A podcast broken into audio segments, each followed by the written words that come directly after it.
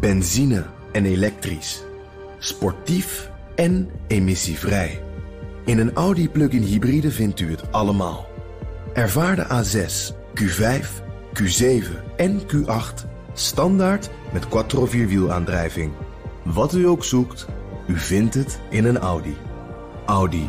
Voorsprong door techniek.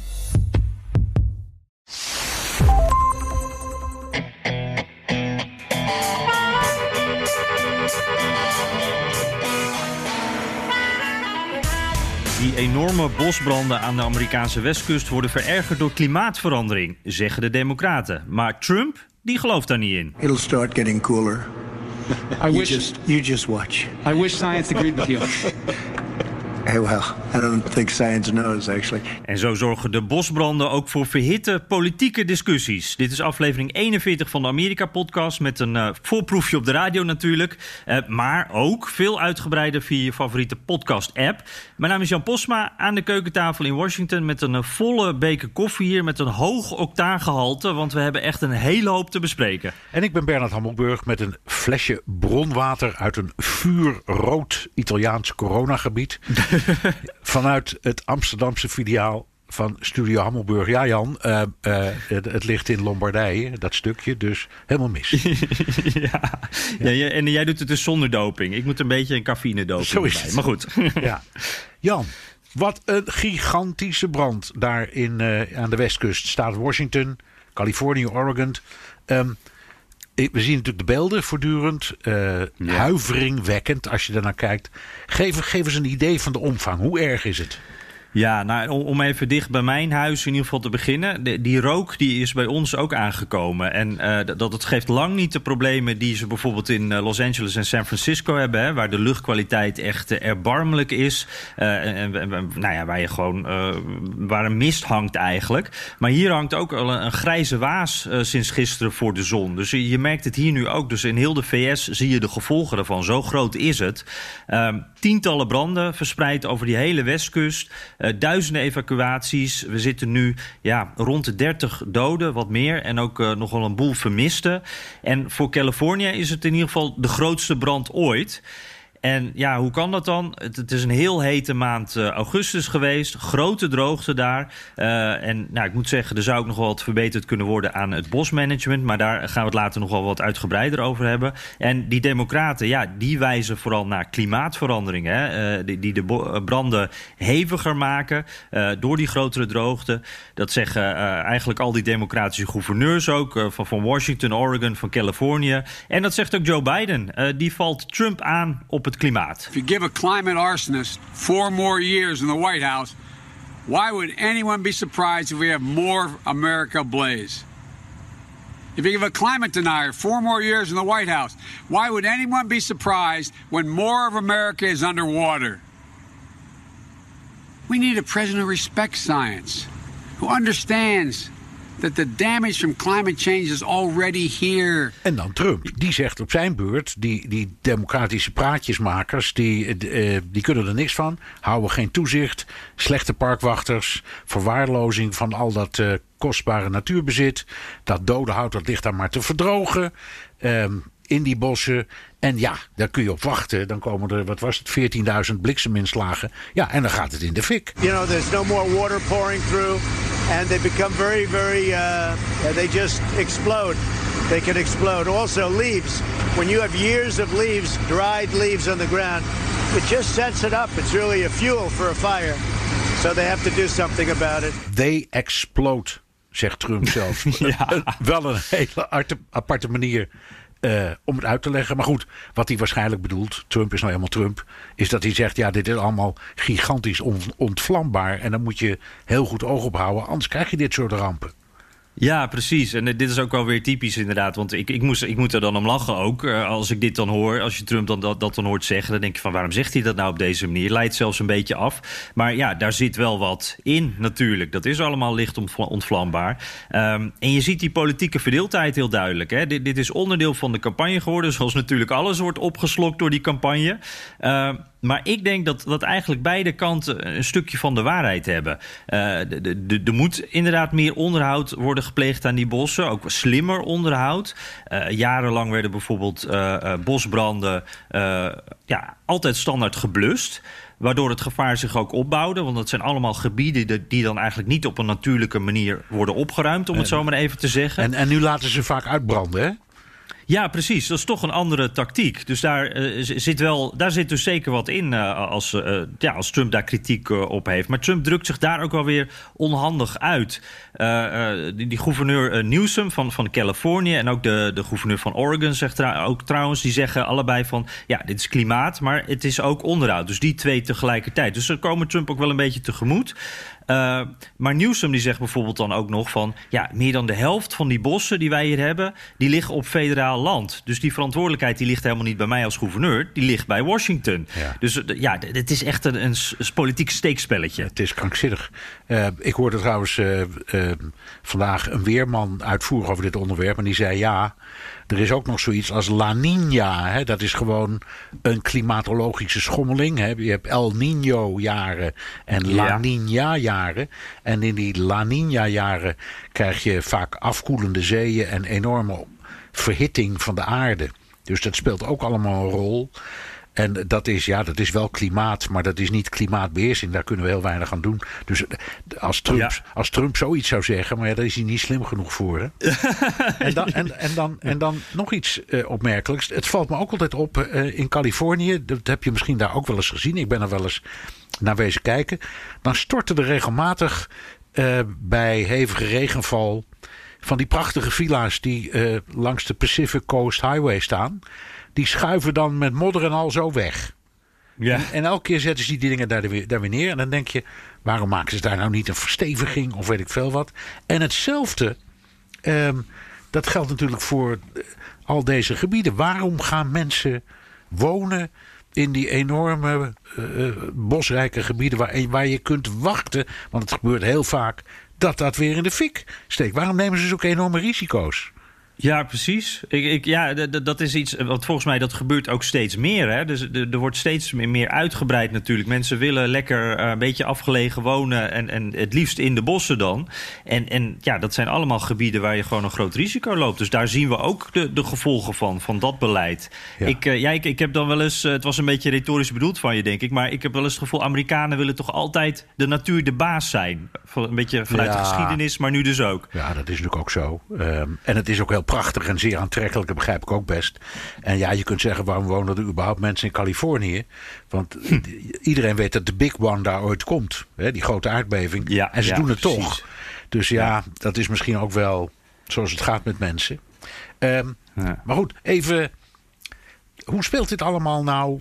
Want we, we, zien, we zien ze elkaar uitschelden. We zien ook de ramp, want dat is het. Van een groot deel van die prachtige westkust die aan het afvikken is. Hoe, mm -hmm. hoe, mhm. hoe ervaart de Amerikaan dit nu? Leeft hij mee? Of, of denkt hij, daar heb je er weer een, zo'n brand. Um, hoe, hoe speelt het? Ja, ik heb het gevoel dat het echt dat laatste is. En het is niet dat alle Amerikanen hier compleet gevoelloos op reageren. Maar uh, dit is natuurlijk iets wat elk jaar, uh, het ene jaar erger dan het andere jaar, terugkomt.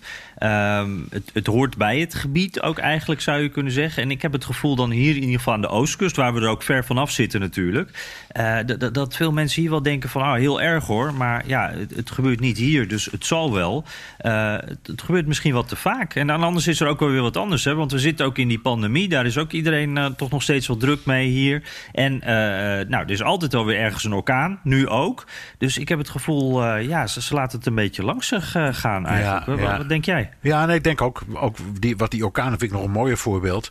Want ja, waar, die slaan in 9 van de 10 gevallen toe in een, in een stadje dat heet Corpus Christi.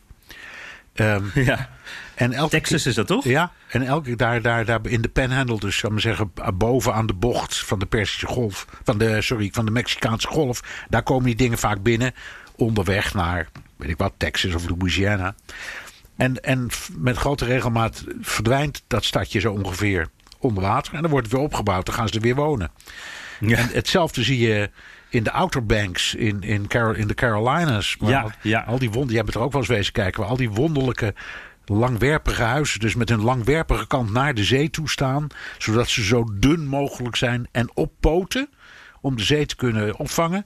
En ja hoor, dan overstroomt het. Er zijn al die huizen weer weg en ze gaan Ja, er weer wonen.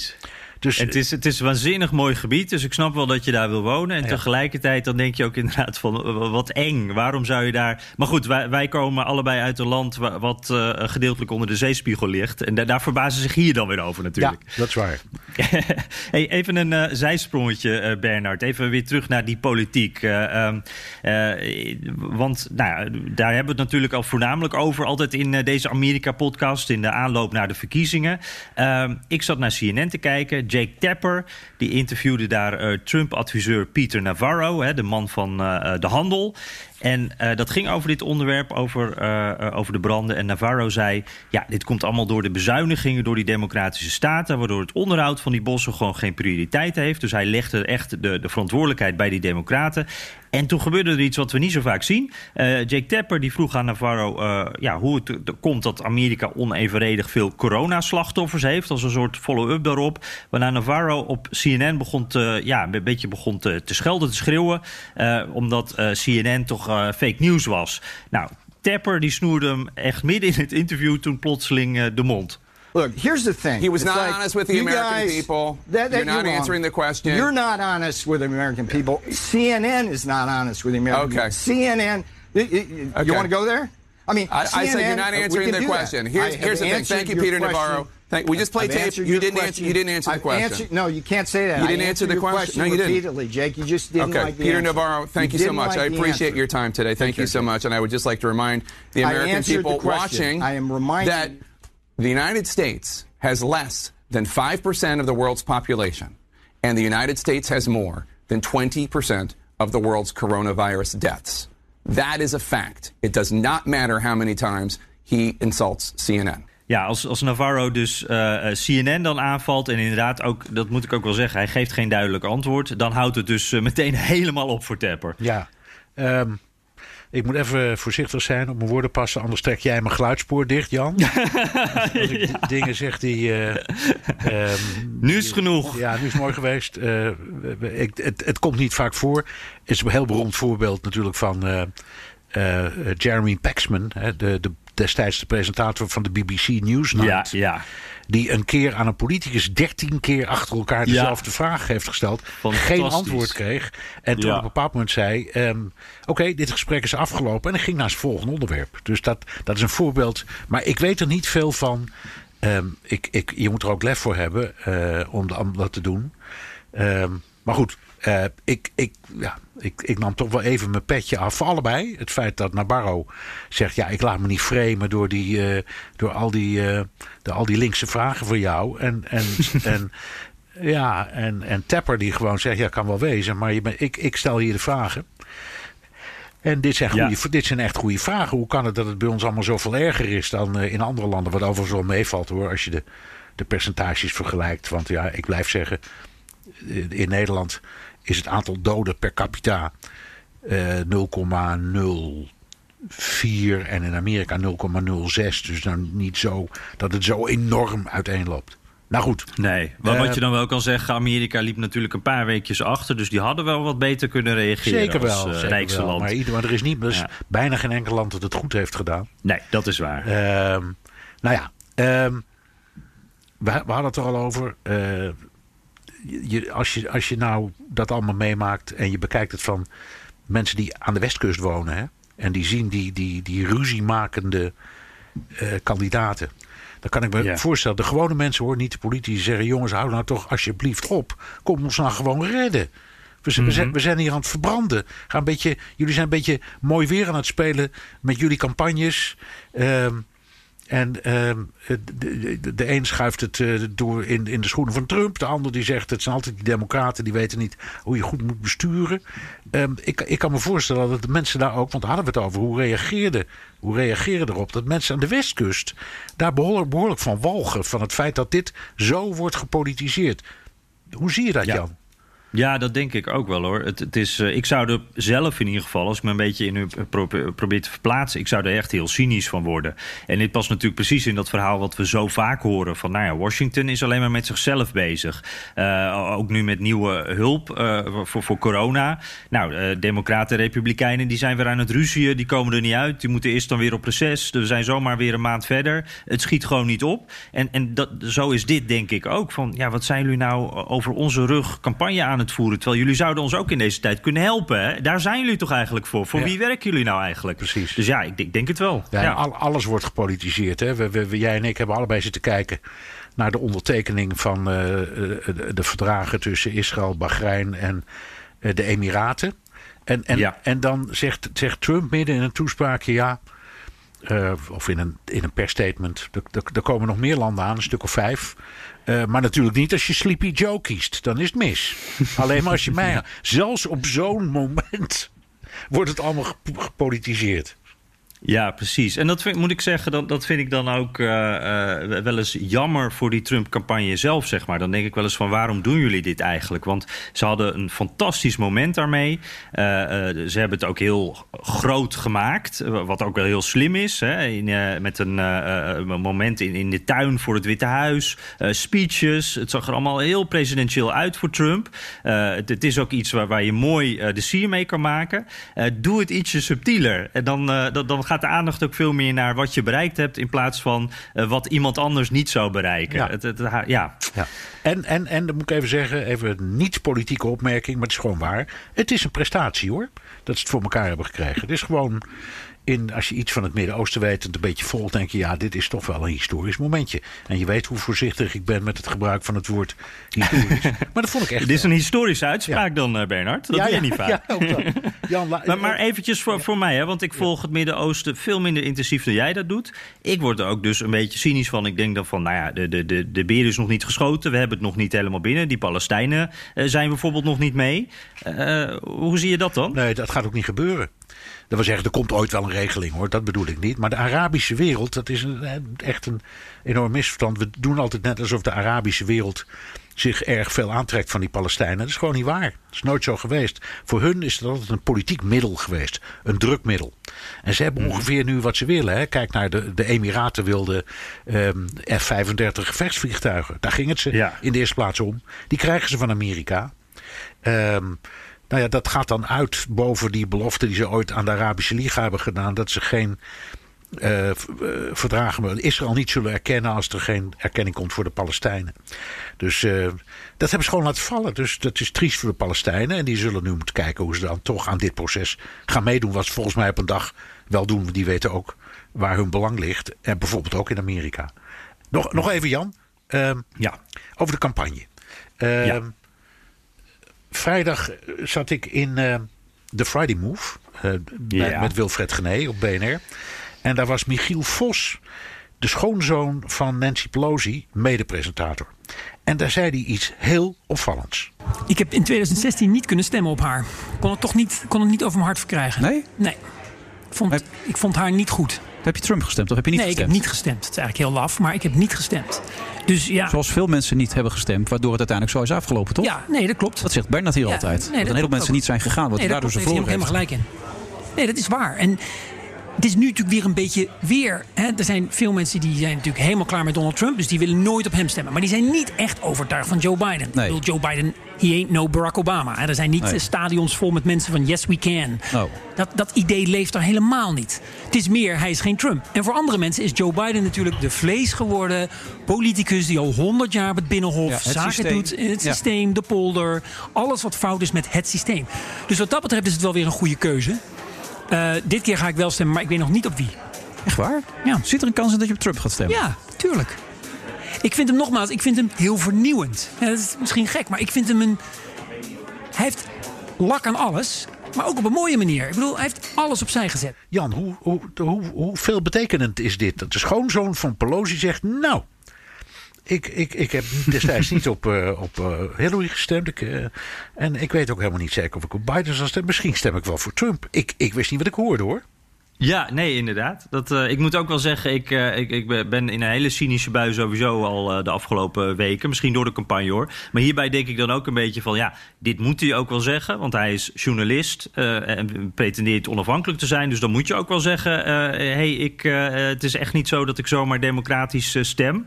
maar ik denk ook tegelijkertijd, het is maar goed dat zijn schoonmoeder geen Nederlands verstaat, Bernard. Want in de familie zal dat niet zo, zou dat niet zo goed vallen, denk ik. Nee, hoe, en, het zou me niet verbazen als hij het. Hij vertelde vertelde overigens in die uitzending heel uitvoerig over de, de relatie binnen de familie. Die is heel goed. Hij spreekt uh, zijn schoonmoeder bijna elke dag aan de telefoon. Dus ze hebben heel veel contact. Ik, ik denk dat hij hier ook gewoon over praat hoor. Ja, ja. Nou, en ik vond uh, uh, dat zou goed kunnen. En wat, wat ik verder, wat, hij zei, vond ik wel uh, heel interessant. En, en ook vooral die vergelijking die hij dan maakt. En, en ook als je die vergelijking met Clinton dus maakt. Ik denk wat hij zegt, dat echt best wel wat Amerikanen dat zo voelen.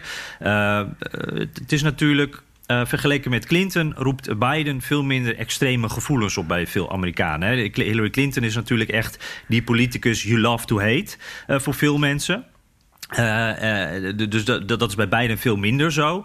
Maar dat gebrek aan dat echte enthousiasme, dat, dat echte vol voor willen gaan, uh, dat, dat, dat zag je in 2016 en, en dat voel ik al een hele tijd nu ook alweer een beetje. Ja. dit komt me heel bekend voor. En, en nou ja, dat, dat zegt Michiel dus ook. En, en dat, dat, ja, dat, dat komt me wel, dat, dat lijkt me een heel goed punt. En volgens mij wordt dat wel breder gedragen. Ja, en ook dat hij zegt, zegt he ain't no Obama. Hij trekt geen zalen vol met, uh, met uh, scanderende mensen: Yes, we can. Dat ja, is, ja. Dit, dit, dit, dit, is de, de ultieme vlees geworden routine politicus met veel te veel dienstjaren. hij vergelijkt het met iemand die nog nooit weg is geweest van Binnenhof. Een prachtig Ja. beeld wat hij ervan geeft. Een plusplakker. Plus, een plusplakker, ja, precies, dat Ja. is hem. Ja. Nou, en, en over dat enthousiasme, Bernard. Want ik zit dan ook eh, te kijken. eh, we hadden eh, een paar dagen geleden weer een Trump-rally. eh, voor het eerst binnen, maar toch weer allemaal juichende mensen. We hadden eh, die, dat tekenen van het akkoord bij het Witte Huis. Daar zaten ook mensen in de tuin te klappen. Eh, dus wat we steeds op tv en de media zien... zijn toch eh, redelijke menigtes voor Trump... en die echt enthousiast zijn. En eh, bij Biden, ja, die, die is heel voorzichtig nog steeds aan het campagne voeren. Die zit dan met vijf mensen in beeld. En dat is het dan, op afstand. En ik zie daar ook wel een soort van... eh, ehm, ik- denk dat de kiezer daar op een bepaald moment ook een soort bevestiging in gaat zien. Van wacht even, dat enthousiasme is voor mijn gevoel al wat minder voor Biden. En ik zie ook de hele tijd gejuich voor Trump. En een beetje stilte bij Biden. En dat, daar zijn natuurlijk redenen voor. Dat komt door corona en de manier waarop je campagne voert. Maar ik denk dat dat een beetje een eigen leven dreigt te gaan leiden, leiden op en, deze manier. En, en, en even snel, nog heel snel. Eén ding wat ik daar dan bij denk. Heel veel mensen denken... nee, Trump neemt veel te grote risico's. Dat mag hij helemaal niet doen. Maar hij heeft tenminste lef. En, en Biden doet het, het precies tegenovergesteld. Die, die, die, Ja. die roomser dan de paus met die coronaregels. De, en dat associëren ze dan misschien ook met te weinig lef. En ja, dat, zou heel goed kunnen. En dat is volgens mij een, eh, ja, hoe moet ik zeggen, behoorlijk gevaarlijk. Ja, ook omdat het beeld bij Biden al een beetje is van die oude man. Terwijl Trump wat meer de energieke leider eh, is eh, in de beeldvorming op dit moment. Ja, zeker, denk ik ook. Jan, we hadden het over Michiel Vos, die Trump best vernieuwend vindt. Dat is het woord dat hij gebruikte. Nou had ik de afgelopen dagen veel contact met twee vriendinnen. Twee hele actieve zwarte Amerikaanse vrouwen. Eén is mediaadvocaat in New York en één is producer in Washington. En die zijn allebei heel actief in de Get Out the Vote beweging. Ja. Hele sympathieke beweging. Ehm, eh, ze hebben de vorige keer zijn ze met z'n tweeën door Noord- en South Carolina getrokken. Echt om bij mensen aan te bellen of ze uit te nodigen op avondjes om uit te leggen hoe belangrijk het is om te stemmen.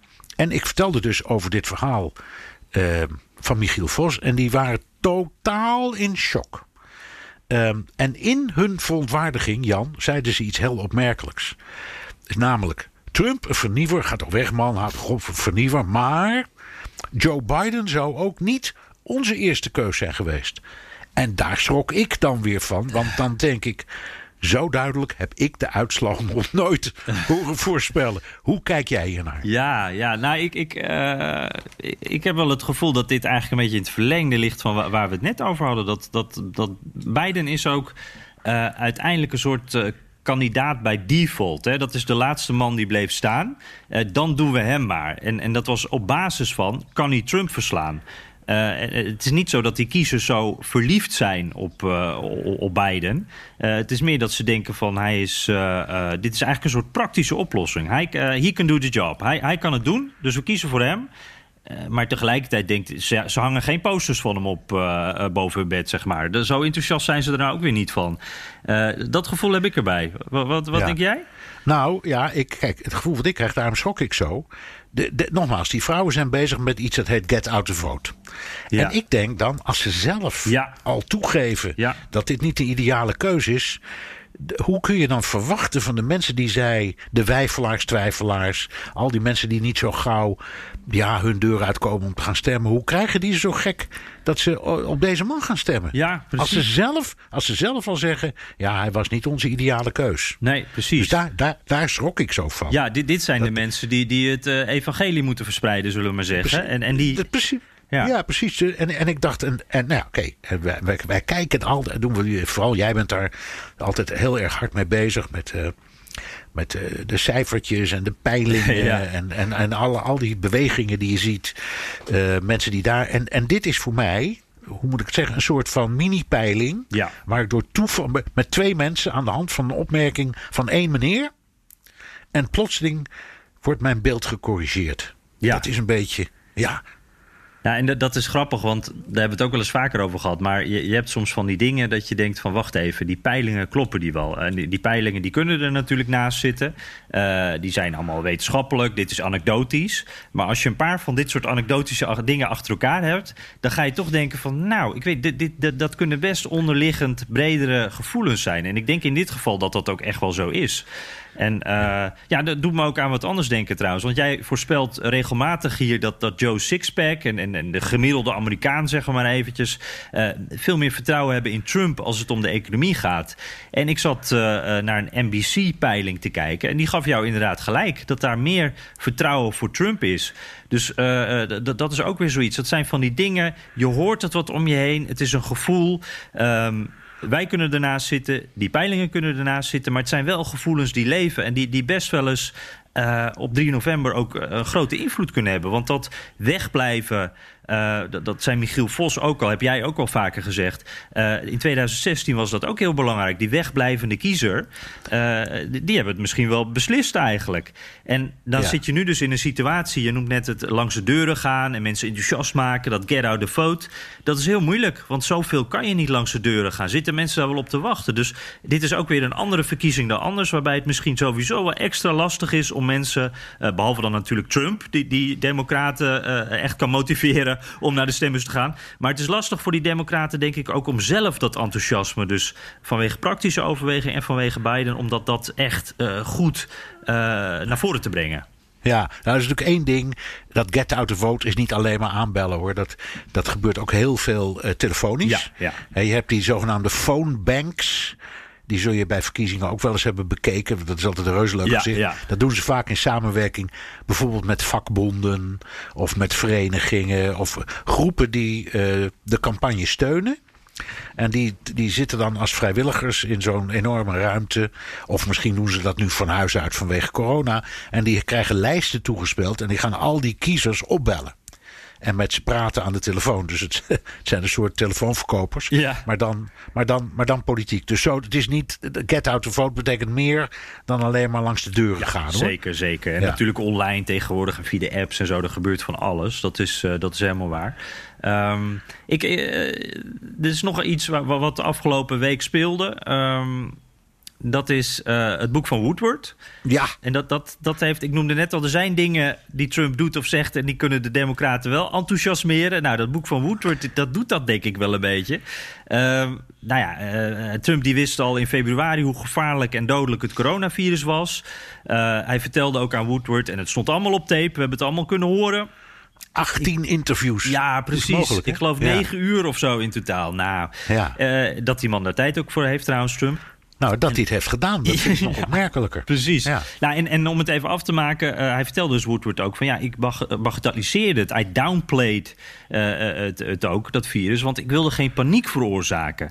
En dit is nou een onderwerp, eh, ja, we, we zullen zien wat het doet, maar waarbij ik wel het gevoel heb van dit gaat niet over Oekraïne of iets dat ver weg is, eh, zoals met die impeachment. Dit gaat iets over, dit, dit gaat alle Amerikanen aan. Dus dit zou wel eens een president die eigenlijk ja, liegt over de situatie met corona. Eh, de gevolgen ervan merk jij om je heen. Eh, het gevaar loop jij ook. Dit, dit zou invloed kunnen hebben. Hoe zie jij Ja. dat? Ik denk het niet. Kijk. Eh, om, nee, ik denk het niet. Omdat, omdat ik denk dat nog steeds de meerderheid van de Amerikanen eigenlijk de lijn Trump wil volgen in het heropenen van de samenleving. En, en ik bedoel het even niet politiek, maar gewoon, je hebt die discussie. Moet je nou ehm, heel krampachtig vasthouden aan al die beperkingen? Of moet je op een bepaald moment zeggen: jongens, het is wat het is. Eh, dat, wat heeft Trump ook letterlijk gezegd. Maar we moeten door. En hij geeft het voorbeeld. Kijk naar die ceremonie op het Witte Huis met die ondertekening van dat verdrag met Israël en de Arabische Staten. Kijk naar zijn campagne eh, waar jij het zelf over hebt, waar hij gewoon weer het land intrekt en zalen trekt. Het, het signaal is niet alleen maar. Ik, eh, ik heb lak aan eh, corona. Het signaal is ook: het land moet open. En ik geef dan maar het voorbeeld. En dus zegt hij tegen Woodward iets wat misschien gewoon eerlijk waar is. Namelijk: ik weet het allemaal wel. Maar we moeten door, jongens. Ja. Dus ik wil, ik wil geen paniek gaan zaaien. Ik, ik, ik probeer het liever een beetje te verbloemen. En in zijn eigen ogen is dat helemaal niet een leugen. En ik denk, eerlijk gezegd, in eh, de ogen van heel veel kiezers ook niet. Dat ze zeggen, nou ja, het was misschien niet zo handig. En misschien was het beter geweest om, om er wat eerlijker over te zijn. Maar we snappen het wel hoor, want we willen door. En dus ik denk ook dat het de reden is waarom hij het heeft verteld. Ja, want? Want het is, nou ja, omdat hij deze boodschap duidelijk wilde afgeven. Van ja, ik heb, ik heb, eh, ik heb het een beetje weggeprobeerd te poetsen, een beetje onder het tapijt geveegd. Maar, maar, maar gewoon omdat ik, ja, ik wil met dit volk door. En, en die, die boodschap hoeft helemaal niet slecht te vallen hoor. Nee, nou, Dus, ik, ik, eh, eh, ik eh, kan je wel vinden. Ik, ik zit ook naar Fox News te kijken en, en dat soort zenders en, en media. En dan zie je ook dat daar, dat, dat helemaal op een prima manier zo wordt verteld dat de Trump-kiezer daar ook echt geen problemen mee zal hebben. Maar waar ik in ieder geval dan vanuit mezelf een probleem mee zou hebben. die president die heeft dus maar voorgelogen. En, en het, het is natuurlijk een rare situatie, hè? want we wisten ook eigenlijk wel dat wat Trump zei, dat dat niet overeenkomt met wat de wetenschap zegt. Dus op dat punt eh, hadden we het ook allemaal wel een beetje verzonnen en, en eh, schrikken we er ook allemaal niet van. Eh, dat maakt het misschien ook wat minder erg. Maar ik, heb, ik vraag me dus wel af. Eh, i- iemand op, eh, op, op Twitter, geloof ik, vergeleken het ermee. Die zei van, de dokter die zegt van... meneer, u heeft kanker, eh, maar ik, ik heb het, u had het eigenlijk een half jaar geleden al. Ik wilde het niet zeggen, want ik wilde u niet in paniek brengen. Wat vind je dan van die dokter? Ga je terug naar die Ja. dokter? En toen dacht ik, ja, dat vind ik wel een goed punt. Hij vertelt niet de waarheid. Nee, hij vertelt niet de waarheid. Maar de vraag is of hij daarmee in de ogen van de mensen die hem welgevallig zijn, eh, of hij daarmee mee liegt. Want niet de waarheid vertellen en liegen, voor een heleboel mensen is daar toch een beetje verschil tussen.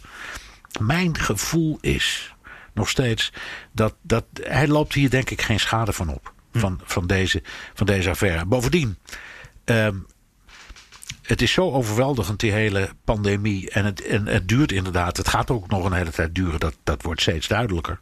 Dat mensen zijn daar ook aan gewend. En ik kom heel even terug op wat jij net zei.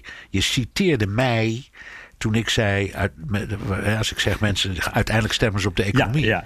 Maar goed, naarmate die pandemie langer duurt, kan het ook best niet zo zijn hoor. Het kan ook best zijn dat dat toch een, ook een enorme rol speelt in hun stemgedrag. En dan heb jij weer gelijk. Dus dan, dan kan het best weer de andere kant uitschuiven. Ja, ja. En denk Nou. je, is daar dan iets, zeg maar, wat daarin eh, kan gebeuren dat, dat verschuift? Want je zou kunnen zeggen, zo'n zo'n zo'n Woodward-boek of zo, die uitspraak, die tape, dat zou zoiets kunnen zijn. Maar als dat het niet doet, wat zou het dan nog wel kunnen doen verschuiven?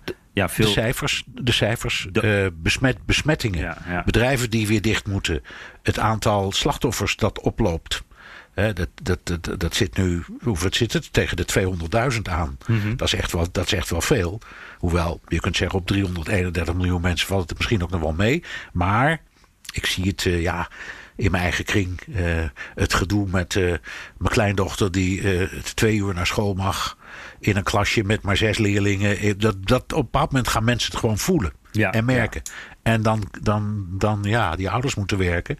Dus het, het, het, dat soort problemen, de gewone dingen, Ja, die, die, die worden lastiger. ja. Ehm, nou ja, we hebben het eh, eh, nou ja, over, over wat beïnvloedt nou wat. We komen nu steeds dichter tegen die verkiezingsdatum aan, Jan. ja. Nou, we hebben het daar vaak over. Hoe moet je naar kijken? In, in het grootste deel van Amerika, iets van 42 staten, 43 staten, staat de uitslag al vast. Die, die, die worden of rood of, of blauw, dus of republikeins of democratisch. Californië is altijd democratisch Ja, en New ja. York ook. En, en Texas is meestal eh, republikeins, ik noem maar wat. Hè. Ja. Maar het gaat, dan, het gaat dan om 7, 8 swing states. Daar gaat het dan om. Hoe staan, hoe staan die ervoor, Jan? En waar moeten we dan op letten? Ja, nou ja, we, we, hebben natuurlijk die staten eh, die, die, die een sleutel echt zijn, waar iedereen naar kijkt. Wisconsin, Michigan, Pennsylvania, die, die, die Rust Belt staten. Eh, die zijn extra interessant, dus die houden we allemaal in de gaten. Daar, staat Biden eh, in de peilingen eh, nou, eh, op voorsprong. Eh, maar eh, ook North Carolina en Nevada, er zijn, echt, er zijn een heleboel. Ik kan nog zo even doorgaan, maar ik zou er nu wel eentje uit willen pakken. Want dat is echt de eigenlijk. Hè? Eh, de hoofdprijs van alle swing states, eh, Florida. Eh, hele grote staat natuurlijk, dus veel, veel kiesmannen, die, die heb je nodig. En eh, Biden staat daar op dit moment, als je het gemiddelde van die peilingen pakt, op anderhalve punt voorsprong. Dus dat is eigenlijk verwaarloosbaar. Dat is echt heel erg spannend. En nou is daar nog iets interessants aan de hand. Eh, dat eh, kwam deze week naar buiten. Vond ik heel leuk om te zien, want dat is iets. Dat, dat, v- dat vroeg me heel lang af van gaat het nu gebeuren. Michael Bloomberg. Eh, we kennen hem nog wel, hè? de oud-burgemeester en de miljardair. De, de man die ook presidentskandidaat was, maar echt roemloos via de achterdeur weer de, eruit moest stappen, omdat eigenlijk niemand op hem zat te wachten. Ehm, die beloofde toen hij eruit stapte: eh, ik ga geld stoppen in die Biden-campagne. En toen bleef het heel lang stil. En toen dachten we eigenlijk ook een beetje, ik dacht dat ook, van dat, dat gaat hij niet meer nakomen. Maar hij heeft eh, toen nog een keer toegezegd, mocht hij ook praten tijdens de conventie. En nu heeft hij gezegd: ik ga 100 miljoen dollar in die campagne van Biden stoppen. En eh, dat mag dan eh, naar Florida met name gaan. En dat is wel belangrijk, want omdat dat natuurlijk een klassieke swing state is... waar elke vier jaar naar gekeken wordt... zijn de spotjes, de tv-spotjes daar ook heel duur. En voor 100 miljoen kan je natuurlijk heel veel kopen. Dus kan je echt ook misschien wel het verschil maken met de juiste boodschap.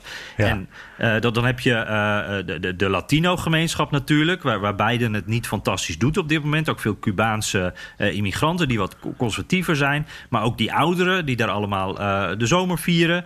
eh, waar Trump het eh, eigenlijk altijd of, eh, eh, in het verleden altijd goed gedaan heeft. Maar waar het nu een beetje lijkt te, te, te- te kantelen. Dus, dus dat zijn allemaal dingen die op dit moment spelen. En waar misschien die enorme zak met geld eh, ja, het- het verschil zou kunnen maken. Dus daar ben ik wel heel benieuwd naar. Ja. En Ber- Bernard, het gaat ook om, om zijn eigen buurt, hè, om Trumps eigen buurt. Eh, eh, Miami County, eh, eh, Palm Beach, een beetje dat, eh, een beetje Zuid-Florida. En daar kennen ze jou volgens mij, eh, Donald Hammelburg. Ja, ja, ja, ik val door de mand. Ehm, het is inderdaad zo. Ik kom al jarenlang in de winter met het gezin. Ehm, gaan we een paar dagen, eh, dan huren we altijd in hetzelfde gebouw een flatje. En dat is in, aan South Ocean Boulevard. En dat ligt op, ja, dat is eh, vlakbij Mar-a-Lago. Dus Ah. het, eh, het, eh, de, de, het woningje van Donald Het J. clubje. Trump. Het, ja, het, het clubje van Donald J. Trump. Ehm, en ehm, ehm, dat is, ja, nou ja goed. Ik, vind- ik vind het leuk. We zijn er dus de afgelopen jaren sinds hij president werd ook een paar keer alweer geweest. Dat kan nu, ik denk dat nu niet doorgaat hoor, vanwege corona. Ja. Maar het, is altijd leuk om daar, om daar te kijken. En al die mensen die daar stoppen om, eh, met hun, eh, om naar binnen te kijken. Er staan altijd mensen te zwaaien van binnen naar buiten. Ja. Eh, maar het opmerkelijk is, dat is dan een heel klein rood vlekje, dat Mar-a-Lago. Maar normaal is dat hele gebied, dus Palm Beach County en Broward en Dade en Miami County, zijn in het algemeen zijn dat democratische delen. Ja. Eh, het is een, een enclave in, in, in een, eh, verder redelijk rode staat. Is het ook, En- eh, dit is nog wel wat stedelijk gebied ook, toch? Er, eh, onder Ja. Miami en zo. Dus dit, eh, Nee, dit, ja, ja, dit ligt. Nou, je moet je voorstellen, je gaat dus vanaf Miami naar het noorden. En dan kom je eerst in, in iets dat heet Hollywood. En dan kom je in Fort Lauderdale. En dan ga je nog een stukje verder, kom je uiteindelijk in Palm Beach. Dat hele gebied, dat gedeelte van Zuid-Florida.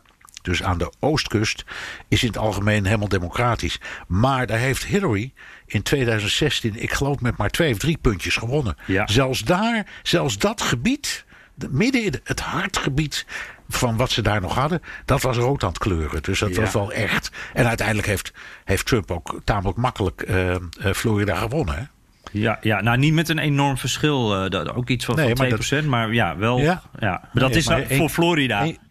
Één, één, één stem eh, extra is één, eentje meer is genoeg. hè? ja, precies, precies. En, en nog even... Alle, alle kiesmannen. Voor, voor mij, hè, want jij loopt daar dus eh, wel, wel vaker rond. Ik ben wel benieuwd, hoe, hoe gaat dat daar dan verder? Zie je veel Trump-vlaggen daar? Komen daar dan, is het een soort bedevaartsoord? Je, je komt er die club niet in natuurlijk, maar of zie je daar ook nog wel eens een, een, een Clinton of een, een eh, to- toen of een bijna vlaggetje nu?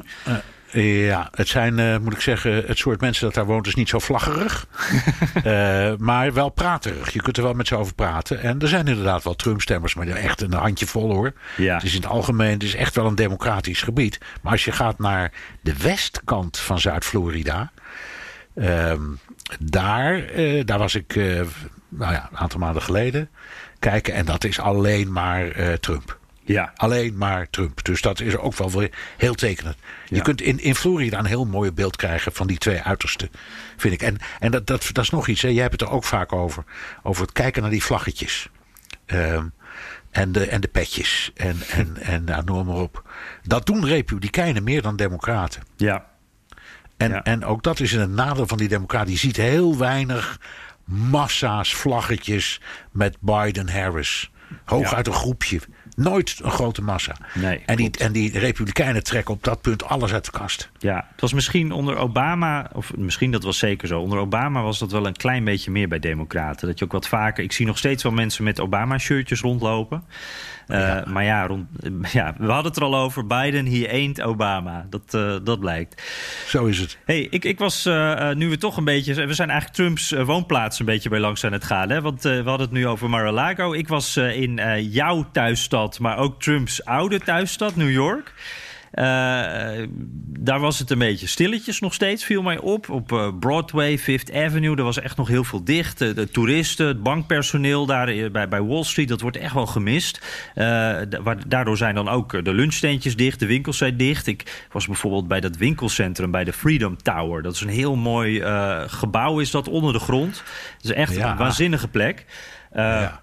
Eh, en, en daar, eh, ja, daar, ging het toevallig die dag weer open. Want eh, daar mochten voor het eerst sinds, nou, sinds maart mochten daar, mochten winkelcentra die mochten weer open.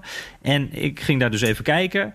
Het was daar gewoon stil, joh. Er was geen, geen, eh, niemand kwam uit de trein. Er waren geen metroreizigers. Er waren geen toeristen. De enige plek waar het druk was, waar een rij stond. Dan moest iedereen eh, de temperatuur gemeten worden. Dat, dat was de, de Apple Store. Eh, dat was de enige plek waar het druk was. En verder, het blijft stilletjes in jouw stad. Ja, Dat, ja, ja, dat gaat ook heel slecht. Want heel veel van die grote ketens gaan over de kop. Net, net gisteren, geloof ik, ehm, zag ik het bericht dat Oh ja. Century, Century 21 over de kop ja, is. dat zit daar Nou, ook in de buurt volgens mij. Ja, toch? dat, Is, dat is daar een soort, weet ik veel, CNA-achtig bedrijf. Ja, dat zit daar, maar dat zit door heel Amerika. Ja. En dat zit ook bij mij in de, in, de, in de buurt van Broadway, waar ik woon, een stuk naar het noorden. Daar zit de, de, de grootste. Allemaal gaat allemaal dicht. Dus dat, ja, dat komt ook door corona. Ging al slecht hoor. Maar het is inderdaad. Ja, de city that never sleeps is in coma. Hè? Ja, dat is het echt. En ik moet wel zeggen, eh, dit is dan Manhattan. Dus dat is ook wel weer een net, net ander geval dan, dan eh, een Brooklyn of een Harlem of eh, noem het allemaal maar op. Maar het, eh, ja, het is eh, triest om te zien. En, en daar zie je dan ook dat het allemaal eh, echt nog lang niet bij het oude is. Dus als we het hebben Nee. over ook de, de gevolgen van corona en de economische gevolgen daarvan voor november. eh, daar wordt dat echt wel eh, gevoeld hoor. Dat, eh, Ik, eh, ja. ik weet het. En je weet het, uittocht uit eh, New York hè, naar de buitenwijken. Mensen Ja. die het niet, niet meer uithouden daar. Dat is ook afschuwelijk. hey, En dan even, ja, we moeten er toch naar kijken. De, de 3 november nadert. Ja. Maar ehm, wij zitten de 4 november s'morgens niet aan de koffie met de uitslag. Nee, met taart. Nee, het, oftewel taart, maar geen uitslag inderdaad. Dat, eh, ja, dat blijft een beetje. Die, die, die, je hoort steeds meer berichten, of je hoort eigenlijk die berichten uit steeds meer hoeken van hoe moeilijk dat gaat worden, verkiezingsnacht. Ook met de post. En daarbij wil ik je trouwens ook nog eventjes iets, ik pak hem er eventjes bij, een, eh, een briefje wat ik in de bus had van de United States Postal Service. If you plan to vote by mail, plan ahead. En dan staat op de achterkant een eh, hele checklist van eh, wat je moet doen als je via de post wil stemmen. En die hebben, wat ik begrepen heb, alle Amerikanen gekregen. Ehm, en dan zeggen ze van ja, als je via de post wil stemmen, dan, dan willen wij je de beste service, eh, de, de, veilige eh, manier eh, brengen om dat ook te doen. Dus gebruik deze checklist en dan staat er ook start today. Dus ik heb dit nu een paar dagen binnen. Begin meteen met invullen en het opsturen. Of be- begin ook met het aanvragen in sommige gevallen. Dus dat vond ik wel een interessante. En dan Ja. zeggen ze ook van... We recommend you mail your ballot at least seven days before election day. Ja. Nou, dat, eh, dat eh, I rest my case, maar we hebben het al vaak over gehad. Dat ik heb ooit een keer een, eh, een verhaal gemaakt over een brief die ik verstuurde van Manhattan naar Brooklyn. Oh ja, wat je op de fiets kan doen. Ja, die er geloof ik drie of vier weken over heeft gedaan. Dat wil ik even afwezen. Ja. Ik heb het al een keer verteld hoor, in onze podcast. Ja. Ehm, dus dat was toen al zo. Het is een ramp met die post. Die, in, inderdaad, ze zijn bij mij in de buurt ook overal geland. In heel Amerika die enveloppen terechtgekomen. Ehm en eh, ik hoop dat mensen het doen. Maar dat is nu precies een van de moeilijke punten. Want eh, zijn ze al geregistreerd? Ja. Of moet dat ook nog? Dat staat in al die waarschuwingen. Hè? Anders Ja. geldt het niet. En dat is meteen een probleem ook, want op deze brief staat dan van... oh, je moet ook je, je mail-in ballot aanvragen, eh, 15 dagen van Ja. tevoren. En in sommige staten, waaronder ook DC, dan wordt het al automatisch toegestuurd. Dus meteen verwarring. Ja, dat weet ik. Dat, eh, in New York is het ook wel mooi geregeld. En dat kun je ook doen bijvoorbeeld met dingen als het verlengen van een rijbewijs. Kun je meteen een regeltje invullen dat je eh, geregistreerd bent als kiezer. Dus ze, ze maken het je wel makkelijker. Maar het blijft een extra hobbel. Ehm, en het is inderdaad, nou goed, de post dus, hertellingen, rechtszaken, weet ik veel wat allemaal gaat komen. Dus, ehm, we- nou ja, eh, Trump zegt eh, dat hij al zich opmaakt voor een derde termijn. Ja, precies. Ja, ik, ik moet wel zeggen, ik zit daar, eh, ik lach er nu een beetje om. Ik, ik, ja, we hebben het al, ik, volgens mij is hij al meer dan een jaar geleden ermee begonnen dat hij een, een, eh, een, de voorpagina van Time Magazine volgens mij deelde. En daar stond dan iets van four more years of een bordje van Trump, de 2020 stond daarop. En er werd dat bordje dan vervangen door 2024, 28, alsof hij eindeloos president kon blijven, omdat hij al die verkiezingen zou gaan winnen. En toen schrokken mensen ook een beetje. Ik schrik daar ook wel een beetje van. Want dat, is niet iets waar je normaal gesproken grappen over maakt in een democratie. En waarbij je weet dat er maar twee termijnen zijn voor elke president. Ehm, maar hij blijft dat roepen, ook tijdens eh, rallies, ook eh, dit weekend weer. En het is altijd onder het mom van een grapje. Eh, maar ik, ik krijg er wel een beetje een ongemakkelijk gevoel bij. Hoe, hoe, hoe kijk Ja, jij daarnaar? Ja, ja nou, ik, ik, ik, ben, ik ben weer een beetje aan de milde kant, Jan. ik vind het, vind het een slecht, slechte grap. Een slechte Maar grap, ook, ja. ook, ook, ook Donald J. Trump kent het 22e amendement van de grondwet. En daar staat precies, eh, daar staat precies in dat op 20 januari zijn termijn eindigt. En dan kan er nog één winnen. En dat is het. Ja. En dan vier jaar later is het over. Dus dat staat erin, dat weet hij ook best. Ja. Maar mensen, het is een soort van refrein. Eh, vorige keer had hij Lock Her Up, weet je wel. Ja, gebruikt u Over nu ook voor Obama trouwens. eh, Ja, en ook, ook voor Obama. En, en, ja, en nu heeft hij het over Sleepy Joe. Hij heeft zo van die thema's. En die werken Ja. op de een of andere manier. Ja, want ze werken dan vooral om, om die democraten ook een beetje op te naaien, toch? En dat vindt zijn eigen achterban vindt dat leuk. Ja, en het lukt. Ja, Ze zeker. worden woest. Ja, zeker. Ja. Jij, hoor. jij ook trouwens, Ja, ik, ben, ik. Ook weer ingetrapt. ja. Hey, en dan eh, eventjes iets anders. Eh, Een stukje een curiositeit. Een antieke wet, 133 jaar oud. En daar zouden we het wel eens eh, op verkiezingsnacht misschien wel eens over kunnen moeten hebben. Hoe zit dat, Bernard? Ja, dat is de Electoral Count Act uit 1887. Toen is er een conflict ontstaan eh, tussen twee kandidaten waar ze er maar niet uitkwamen met de telling. Dat waren eh, Rutherford Hayes en Samuel Tilden. Uiteindelijk won Hayes, overigens een republikein. En het, het was zo moeilijk omdat was in de tijd, die tijd heette de, de reconstructie. Dat was na de burgeroorlog, de opbouw van het land. In die tijd waren de republikeinen nog de progressieve partij.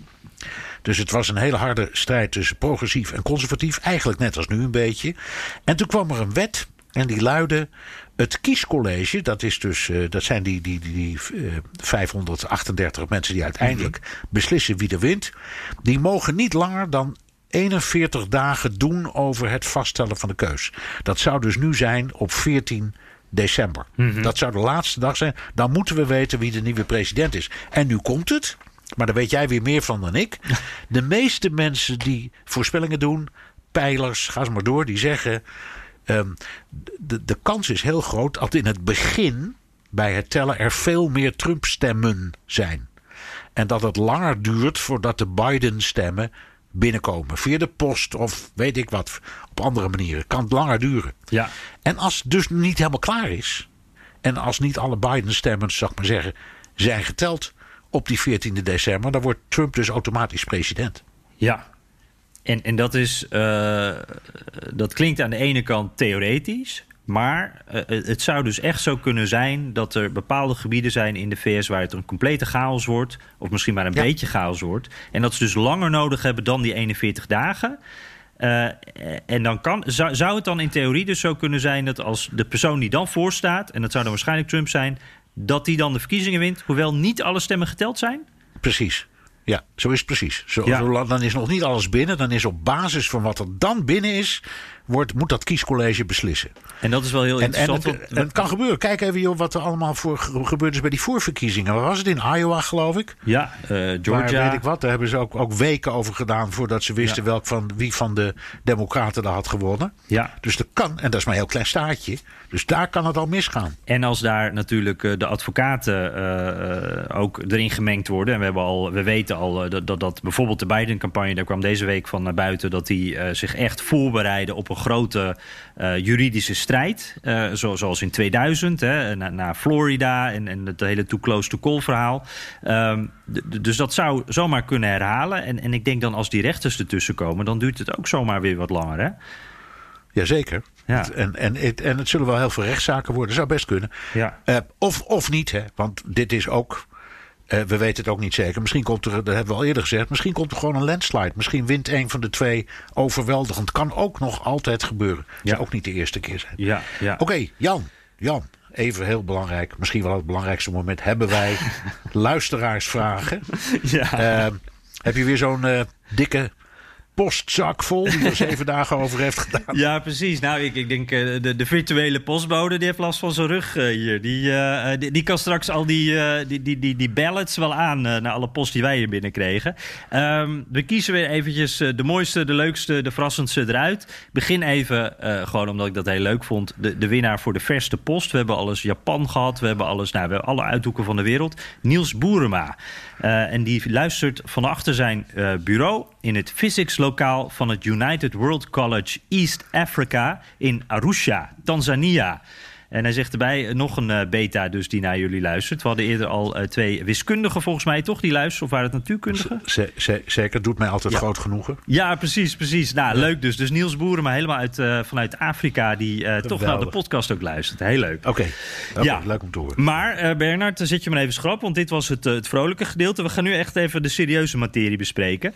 Ehm, we kregen ook wat post, eh, post eh, over de achterstand van eh, zwarte Amerikanen in de Amerikaanse samenleving.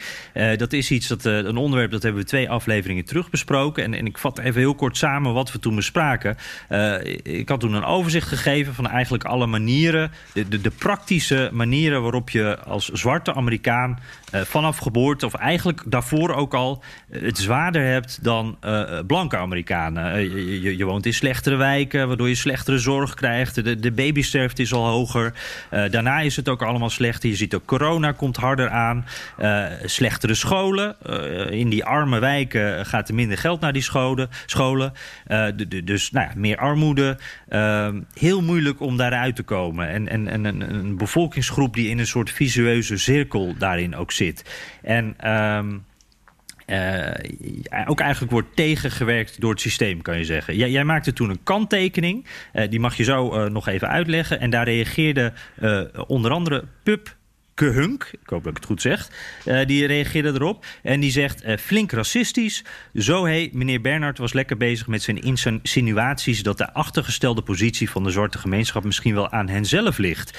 Nee, dat komt door het systematische racisme. Ik viel bijna van mijn stoel. Ja, ja, ja. Ehm, ik, ik begrijp dat. En we wisten dat die zou komen, zal ik maar zeggen. Eh, We Ja. hadden in de vorige aflevering ook al dergelijke reacties. Ik kan nog wel even herhalen wat ik zei. Het is zo dat de zwarte gemeenschap enorm achterloopt op de blanke gemeenschap. En wat heel wonderlijk is, het is 12, 13 procent van de bevolking. En heb ik gezegd, het zijn geen immigranten. Het zijn mensen die vaak, waarvan de wortels al verder teruggaan in Amerika dan van heel veel witte families. Dus het zijn oer-Amerikanen. Ze zijn totaal verworteld met de samenleving. En ze zijn er nog steeds niet in geslaagd om op een groot aantal punten hetzelfde niveau te bereiken als de witte Amerikaan. En ja, natuurlijk komt daardoor het racisme. De aanleiding om erover te praten, Jan, was ook dat wij tegen elkaar zeiden: Trump speelt heel erg in op, dat, op die witte suprematie. Die gevoelens, omdat dat latent al die dingen die mensen vaak vinden over zwarte, maar niet hard- hardop durven zeggen, omdat dat bovenkomt. Ja, dus precies. Hij speculeert het. Dat was de aanleiding om erover te praten. Ik heb ook gezegd: het grootste probleem dat de zwarte gemeenschap heeft, is: het is wat het is, hè? Dat is nou eenmaal zo. Eh, en het is natuurlijk racisme, maar het grootste probleem is het onderwijs. En eh, daar, heb ik, daar heb ik een redenering bij. Het onderwijs, het, vooral het openbare onderwijs, is in principe overal hetzelfde. Maar het is in die eh, zwarte wijken vaak slechter. Eh, en niet omdat die eh, leerkrachten het niet kunnen of niet willen, integendeel. Ehm maar omdat ze de middelen niet hebben. En omdat je met leerlingen die een achterstand hebben, of in armoede, of in opleiding, of in omstandigheden, noem het allemaal op. Daar heb je heel veel extra aandacht voor nodig. En extra, eh, daar moet je gewoon heel veel tijd in steken. En die is er niet. En er Als speelt, dat zo speelt ook nog Ja, wat, toch? Want, want die, die eh, arme buurten, eh, daar komt dus minder belastinggeld binnen voor die scholen. En, en, en zo worden die scholen betaald. Dus in een rijke en- buurt dus- heb je betere scholen. Ja, en dus moeten die gemeentes en de staten en de provincies zeggen: "D- dat gaan we dus anders verdelen. We zorgen dat die scholen beter worden bediend. Er bestaat in heel Amerika iets dat heet charter schools. Dat zijn openbare scholen. Daar moet je kwalificeren. Dus je moet erg je best doen om daar op te komen. Ehm, en daar zie je onevenredig veel kinderen uit eh, achterstandswijken en zo. Die goed zijn en die dus eruit worden gepikt. En op die charter schools, raar, raar, raar, hoe kan dat? Is het resultaat doorgaans grandioos.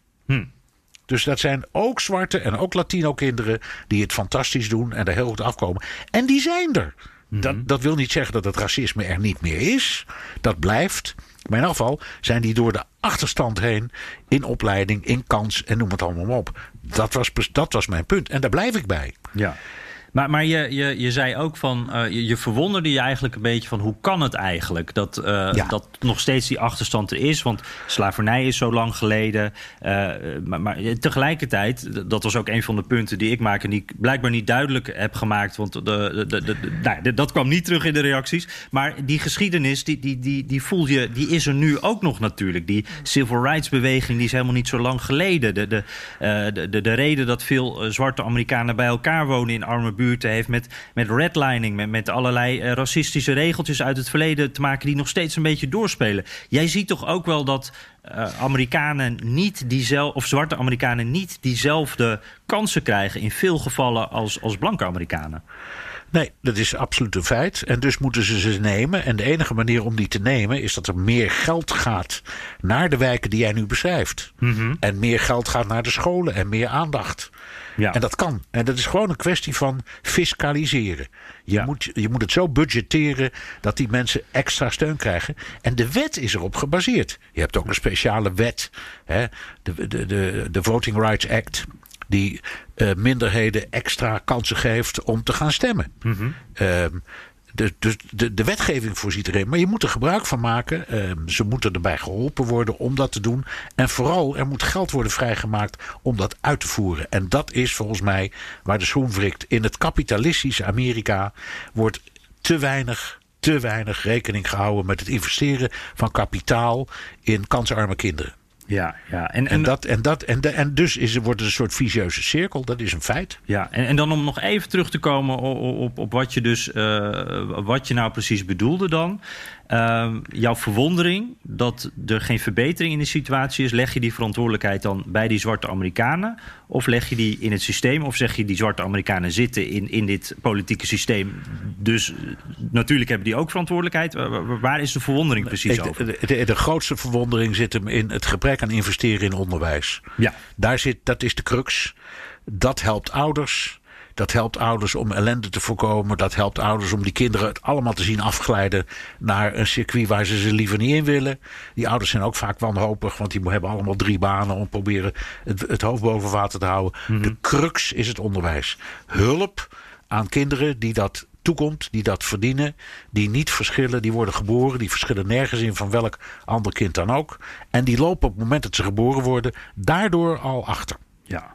Dat is vreselijk. Ja, ja, dus dat, ja. ik, ik, blijf zeggen, daar zit de crux. En het is niet, ligt niet aan de leerkrachten of de inzet van de leerkrachten. Het ligt in de leermiddelen en de budgettering voor scholen en voor, eh, nou ja, in het algemeen faciliteiten voor kinderen, sportfaciliteiten, noem het allemaal maar op. Daar moet enorm in worden geïnvesteerd. Maar dus ook niet aan de leerlingen en de ouders? Ja, nou ja, ik weet niet hoe je dat moet zeggen. Als je eenmaal in zo'n in, in zo'n achterstand woont, ja. Eh, hoe komt het dat er zoveel 14-jarige meisjes zwanger worden? Ja. Dat weet ik ook niet, maar het ho- het hoort er ook bij. Het is een groot onderdeel van het verhaal. Hè? Ja. Kinderen, kinderen met kinderen. En heel veel mensen zeggen, ja, dat heeft dan iets te maken met cultuur of weet ik wat allemaal. Ik geloof het allemaal niet hoor. Ik geloof dat het allemaal zit in het kader van de wanhoop die, ho- die hoort bij ehm, achterstand en achterstandswijken. Mhm. En nogmaals, er is maar één manier om het op te lossen. En die zit hem in eh, opvoeding en onderwijs. Ja. En dat heeft, dat, daar, is, daar draagt de staat, de stad, het dorp de verantwoordelijkheid voor. Ja, ja. Nou, je bent nog niet van de luisteraar eh, af, eh, Bernard. Eh, Nee, maar het is ook een belangrijk onderwerp hoor. Ja, nee, zeker. Daarom gaan we er ook even uitgebreid eh, staan we erbij stil. Patrick Seder, ja, die begint wel mooi. Beste Bernard en Jan, proficiat. Het is jullie gelukt, uitroepteken. Dit is de eerste keer in mijn leven. Ik ben 44 jaar oud dat ik inhoudelijk reageer op een radioprogramma. Ik dacht zelf dat het er nooit van zou komen, maar zo kan het gaan in het leven. Nou, ten eerste geeft hij dan een compliment. Hij vindt het een hele leuke podcast. Die, die luistert tijdens zijn wandelingen in Amsterdam-Noord richting de polders. Dus eh, nou, dat, eh, dat klinkt goed. Eh, en hij komt op hetzelfde punt even terug. In het programma vraagt Bernard zich af waarom de zwarte Amerikanen zich tot op heden slecht hebben ontwikkeld in vergelijking met overige migranten. Bernard haalt dan ook. Ah, ah, mag ik je onderbreken? Ja, ja, ja. Het zijn geen migranten. Ja, ja, ja, ja. Nee. Dat is een denkfout. Het zijn geen migranten. Nou, laat ik jou daar ook even, want het zijn toch wel migranten. Alleen het zijn geen vrijwillige migranten. Ja, goed, maar, de, maar, maar de, de, de moeder van Donald Trump was ook een migrant. Ja, maar wel op een hele. Ik bedoel, als slaaf eh, ben je eigenlijk ontvoerd en naar dit land gehaald. Dat is toch heel. Tuurlijk. Dat, dat is, Absoluut. Het is, of zeg je dat dan ben je geen migrant als het niet je eigen keuze is? Nou, dat weet ik niet. Migrant ben je per definitie als je van de ene naar de andere kant, of van, als je verhuist van land naar land, Ja. gewild of niet gewild, dan ben je migrant. Ja. Vluchteling is ook een migrant. Fijn, andere discussie. Oké. Eh, maar maar ik, ik verzet me tegen dat beeld. Want je, je moet ze niet vergelijken met, met immigranten, laat ik het dan zo zeggen. Dat zijn het niet. Maar jij bedoelt daarbij ook, in- want ze zitten al eh, over het algemeen zo lang wonen ze al in dit land. Ja, Als ze bijvoorbeeld. zitten al. Ja, ze zitten er al, al, al nou, sinds de 17e eeuw. Toen ze inderdaad als slaven zijn binnengehaald. Mhm. Eh, en, en, en in het zuiden dat ook heel lang zijn gebleven, tot, tot 1863. Dat is, dat is heel lang. Ja, ja. Eh, en en eh, de- niemand zal ooit het, het leed en, en de erfenis daarvan ontkennen. Dat is ook krankzinnig. Da- daar pak ik hem eh, even op, oké? Want Ja. daar zegt eh, eh, Patrick ook wat over. Hij zegt dan van ja, naar mijn mening zijn... Ik vat het even samen hoor, sorry Patrick. Naar mijn mening zijn de, de zwarte Amerikanen gedwongen... en ontvoerde migranten waarbij elk stukje menselijkheid... en culturele achtergrond vakkundig is verwijderd. En dan heeft hij het over slavernij. niet als mensen behandeld worden, geen rechten hebben. racisme dat daarna kwam, de, de, de Black Codes, Jim Crow, wetten in het zuiden. segregatie, die pas in 64 is afgeschaft. Eh, en hij stelt dan daarbij dan de vraag, er zijn wel een beetje op ingegaan... maar eh, zijn jullie het hiermee eens? Ja, nou dat laatste is nog erger. In 1964 is de apartheid afgeschaft, maar niet de segregatie. Die is nog heel lang doorgegaan, die is er eigenlijk nog. Je hebt dat mislukte project gehad met, met bussen, weet je wel. Oh ja, bussen. Kinderen die over. Die, die, die, ja. En eh, dat, dat heette dan allemaal de- desegregation efforts. Dat is gewoon mislukt. Eh, dus er is inderdaad op dat ge- gebied heel veel misgegaan. Ehm, ik, ik weet niet of je.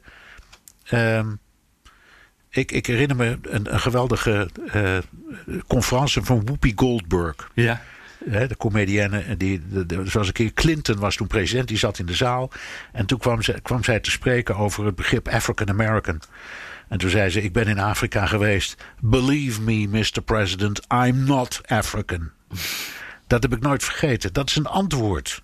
Die mensen zijn Amerikanen. Amerikanen. Amerikanen. En ze zijn inderdaad ze zijn op een gruwelijke manier behandeld. Maar het zijn Amerikanen. En ehm, eh, het- het feit dat ze nou ja, nog steeds in, in grote delen achterlopen. Ik blijf erop terugkomen. Dat kun je niet alleen maar meer zeggen omdat ze in eh 1771 uit hun cultuur zijn weggerukt. Daar kom, je, daar kom je niet mee weg. Het komt omdat ze nu door gebrekkig onderwijs en gebrekkige opvoeding wordt belet om deel te, nemen aan de, de, de samenleving die net zozeer van hun is als van ieder ander. En, en iets wat, waar ze in de loop van tijd, in de loop van de jaren... wel steeds een klein beetje meer toegang toe hebben gekregen... maar waarvan je nog steeds kan zeggen... de gevolgen eh, van die niet gelijke positie... die zie je nog steeds terug. Natu- natuurlijk zie je die. En, en als je in zo'n zo'n campagne als deze zie je terugkomen. Want de, de huidige president, die, die, eh, die, eh, ja, die schurkt tegen die foute gevoelens aan. Ja, Eh, je had een beetje dat sentiment, eh, jaren Ja. 50, jaren 60... eh, het blanke Ja. Amerika, wat de touwtjes in handen heeft. Ja, en niet, en niet je mond open doen als die, die witte segregatie, die witte suprematiebeweging zich weer misdraagt. Die, die, die 600 pick-up trucks die, eh, die eh, Portland binnenreden met al die engers erop. En dan zegt de president dat hij zich daarmee vereenzelvigt. Daarmee versterk je dat beeld wat onze eh, eh, mailschrijvers bedoelen. En daar ben ik het helemaal mee eens. Dat is, dat is iets vreselijks. Ja. Hey, eh, een beetje in het verlengde van de tweede vraag van Patrick... en dan zal ik er ook wat meer vaart in brengen hoor. Eh, hoe, hoe komt het dat het erop lijkt dat de gemiddelde witte Amerikaan... aan de geschiedenis van zwarte Amerikaan lijkt voorbij te gaan? Oh, dat is heel veel lijkt, maar je snapt wat ik bedoel. ja, Eh, maar dat is gewoon, ik geloof niet dat dat waar is. Ik weet het niet, maar ik geloof het niet. Er staat bij jou in Washington een prachtig museum. Dat gaat Ja. over de geschiedenis van zwarte Amerikanen. Dat is echt een van de mooiste die er zijn. Absoluut. Oh, Ieder kind, wat ik zie, de, de, de, de kinderen die ik zie rondom mijn kleinkinderen, die worden daar allemaal prima in onderwezen. En die krijgen dat allemaal precies te horen. En bovendien, die zitten in gemengde klassen hoor. Dus, dus die, Mhm. eh, dat is helemaal niet gesegregeerd. Nee, eh, eh, nee dat zeker. Maar Nee, ik- dus dat beeld, dat beeld bestrijd ik. Er wordt wel degelijk onderwijs in gegeven. Alleen, het helpt niet. ja, Want ja. die, die, die, die, die, die blanke kinderen die hebben het niet nodig, bij wijze van spreken. Nee, maar ik zie daar ook, ik zie ook wel een, een weerstand. Eh, en en eh, dit is ook een beetje onderdeel van die culture war, denk ik. Eh, je had een tijdje geleden, een jaartje geleden, denk ik, het, het 1619-project bij de New York Times. Die hadden, eh, nou, dat was het eerste moment dat een, een slaaf hier voet aan wal zette. Eh, daar ging dat over. En, en allerlei echt waanzinnige verhalen over die geschiedenis eh, van nu tot, eh, tot toen. Nou, dat was echt heel interessant en hele interessante invalshoeken daar ook bij. Maar ik zag meteen van rechts-Amerika daar allerlei kritiek op. Want dat was allemaal ja, het klopte gewoon niet, zeiden ze. En naast dat er som- af en toe een feitelijke onjuistheid in stond... wat je natuurlijk altijd kan hebben bij een productie. Maar die zeiden echt, dit is veel te negatief. Dit, de Amerikaanse geschiedenis wordt hier eigenlijk door het slijk gehaald. Dus je ziet wel... v- vind ik toch dat, dat het slavernij, om dat een plek te geven in die fantastische Amerikaanse geschiedenis. eh, wij zijn het verheven volk beter dan de rest. Dat, dat blijft wel iets moeilijks. Blijft ook zo, maar dat is bij Nederland, net, Nederland niet veel anders hoor. Nee. Nee, Dat, dat zie je overal. Het is heel, heel precies. Het is heel moeilijk om te zeggen. Laten we dan maar toegeven. We zijn zo fout als de pest geweest, jongens. Ja, Allemaal. Ja, ja. En dat is zo. Dat zijn we geweest. Ja.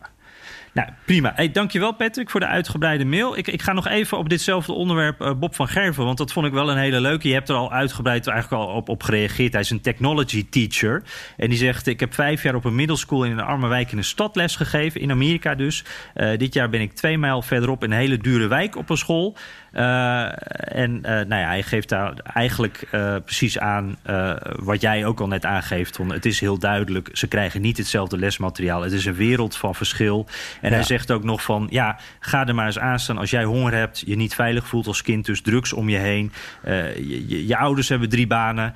Ja, dan is het wel moeilijk om eh, een gelukkige jeugd te hebben, vat ik het maar even samen. Het, het is, hij zegt, is meer een arm-rijk verhaal dan een zwart-wit verhaal. Wat ook wel... Ik, eh, mooiste illustratie. Toen de, toen de corona-lockdown begon, hoorde ik om me heen. Weet je wat de grootste klacht was? Nou? Bij gewone of arme gezinnen. Hoe krijgt mijn kind dan te eten? Ja, precies. Want die zijn erop gewend Ja. dat zo'n kind alleen maar één keer warm eet op school. Zo erg is het. Ja, dat klopt. Die gingen ook de, de, de keukens eh, die, die bleven open terwijl de school dicht was. En één keer per dag eh, ja, kwamen de gezinnetjes daar langs. En dan mochten ze ook eten halen voor, voor de rest als dat eh, er was. Echt, ja, tragisch. Ehm, even kijken. Hans Boor. even heel wat anders. Had Woodward, Bob Woodward, zijn onthullingen niet eerder openbaar moeten maken, zodat er mogelijk toch nog eerder maatregelen getroffen konden worden tegen verspreiding van het coronavirus? Waarom wachten tot het boek af is? Kan dat wel ethisch? Nou, nou e- ethisch, weet ik, dat, weet ik, daar, dat, met dat woord heb ik een beetje moeite. Als je iets weet, moet je het meteen bekendmaken. Zijn verhaal is, en dat is typisch Amerikaanse journalistiek. Het duurde heel lang voor, voor alle feiten waren gecheckt. Ehm, dat moet, hè. Fact-checking is heel belangrijk als je publiceert. En zeker als je, zoals hij, de chef bent van de onthullingsafdeling van de, van de Washington Post. Ja. Hè, Die investigative, investigative Reporting Unit van de Washington Post. Alleen daar werkt al een man of veertig. Ja. Dus ja, hij als hij een boek schrijft, moet hij zorgen dat het klopt. En op een ongoing story natuurlijk. Want toen hij begon wisten we allemaal nog niet wat, die, wat het Nee. precies betekende. Nee, dus dat, eh, nee. Ja, ja, ja ik, ik heb zelf ook eh, het gevoel daarbij van... zou het wat veranderd hebben? En ik heb niet het gevoel dat het iets veranderd zou hebben. Als hij het eerder naar buiten had gebracht. Nee denk het ook niet. Nee. Eh, ja, in het belang van de tijd eh, zeg ik dan toch maar eh, met pijn in het hart hoor. Marielle van der Snoek, die altijd luistert naar haar werk, meestal een late dienst, kijkt ze er de hele dag naar uit. Ah, en dan slaan we haar nu over. En die zegt van, ze heeft ook een tuintje, maar niet zo succesvol als die in Japan. Want ze heeft wekenlang Daar gewacht. is hij weer. Ja. Ja. is het Japans tuintje weer. Heerlijk. Ze zegt, Ja. ik heb wekenlang gewacht op de bloei van wat zonnebloemen. Weet nu dat het een doorgeschoten aardappelsoort was. en, en ik wil je nog e- één dingetje van haar, want daar moest ik ook wel erg om lachen. Haar PS'je. Eh, mijn over de hele wereld reizende zoon Harm heeft helaas, helaas de verkeerde naam. Toen hij in een Amerikaans baptistengezin logeerde, eh, bad de heer des huizes... Thank you for bringing harm to us. Geweldig. Eh, ja. en, en nou ja, ik, ik, Max eh, van Meerten, eh, sorry, eh, stuur alsjeblieft volgende week weer een nieuwe vraag op. Onze tijd zit er gewoon even op. We moeten Ja. ook weer verder. Dus bij deze hamer ik hem af, deze aflevering van de Amerika-podcast.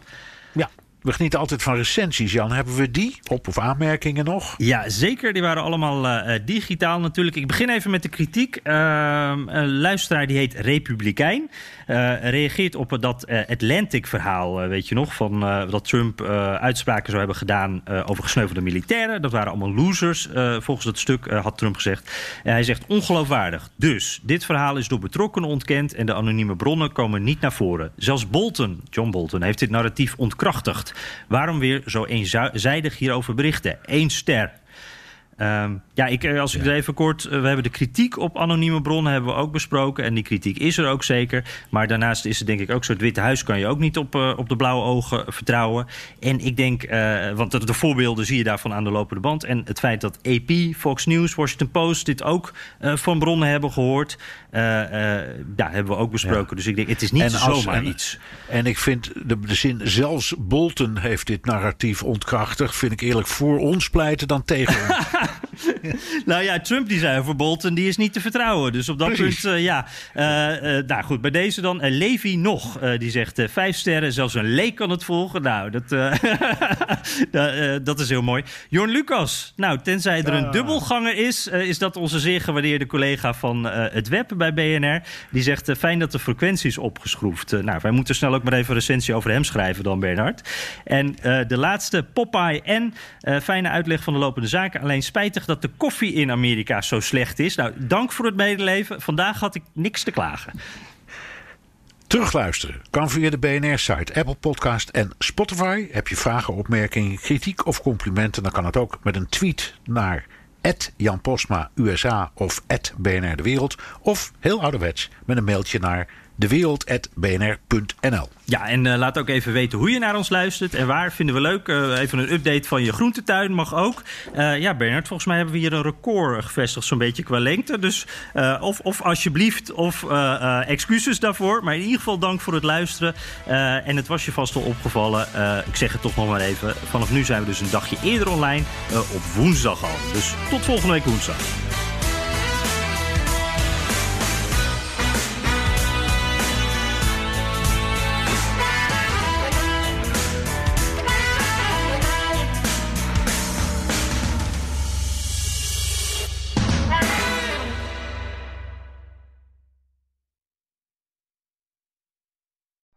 Benzine en elektrisch. Sportief en emissievrij. In een Audi plug-in hybride vindt u het allemaal. Ervaar de A6, Q5, Q7 en Q8 standaard met quattro vierwielaandrijving. Wat u ook zoekt, u vindt het in een Audi. Audi. Voorsprong door techniek.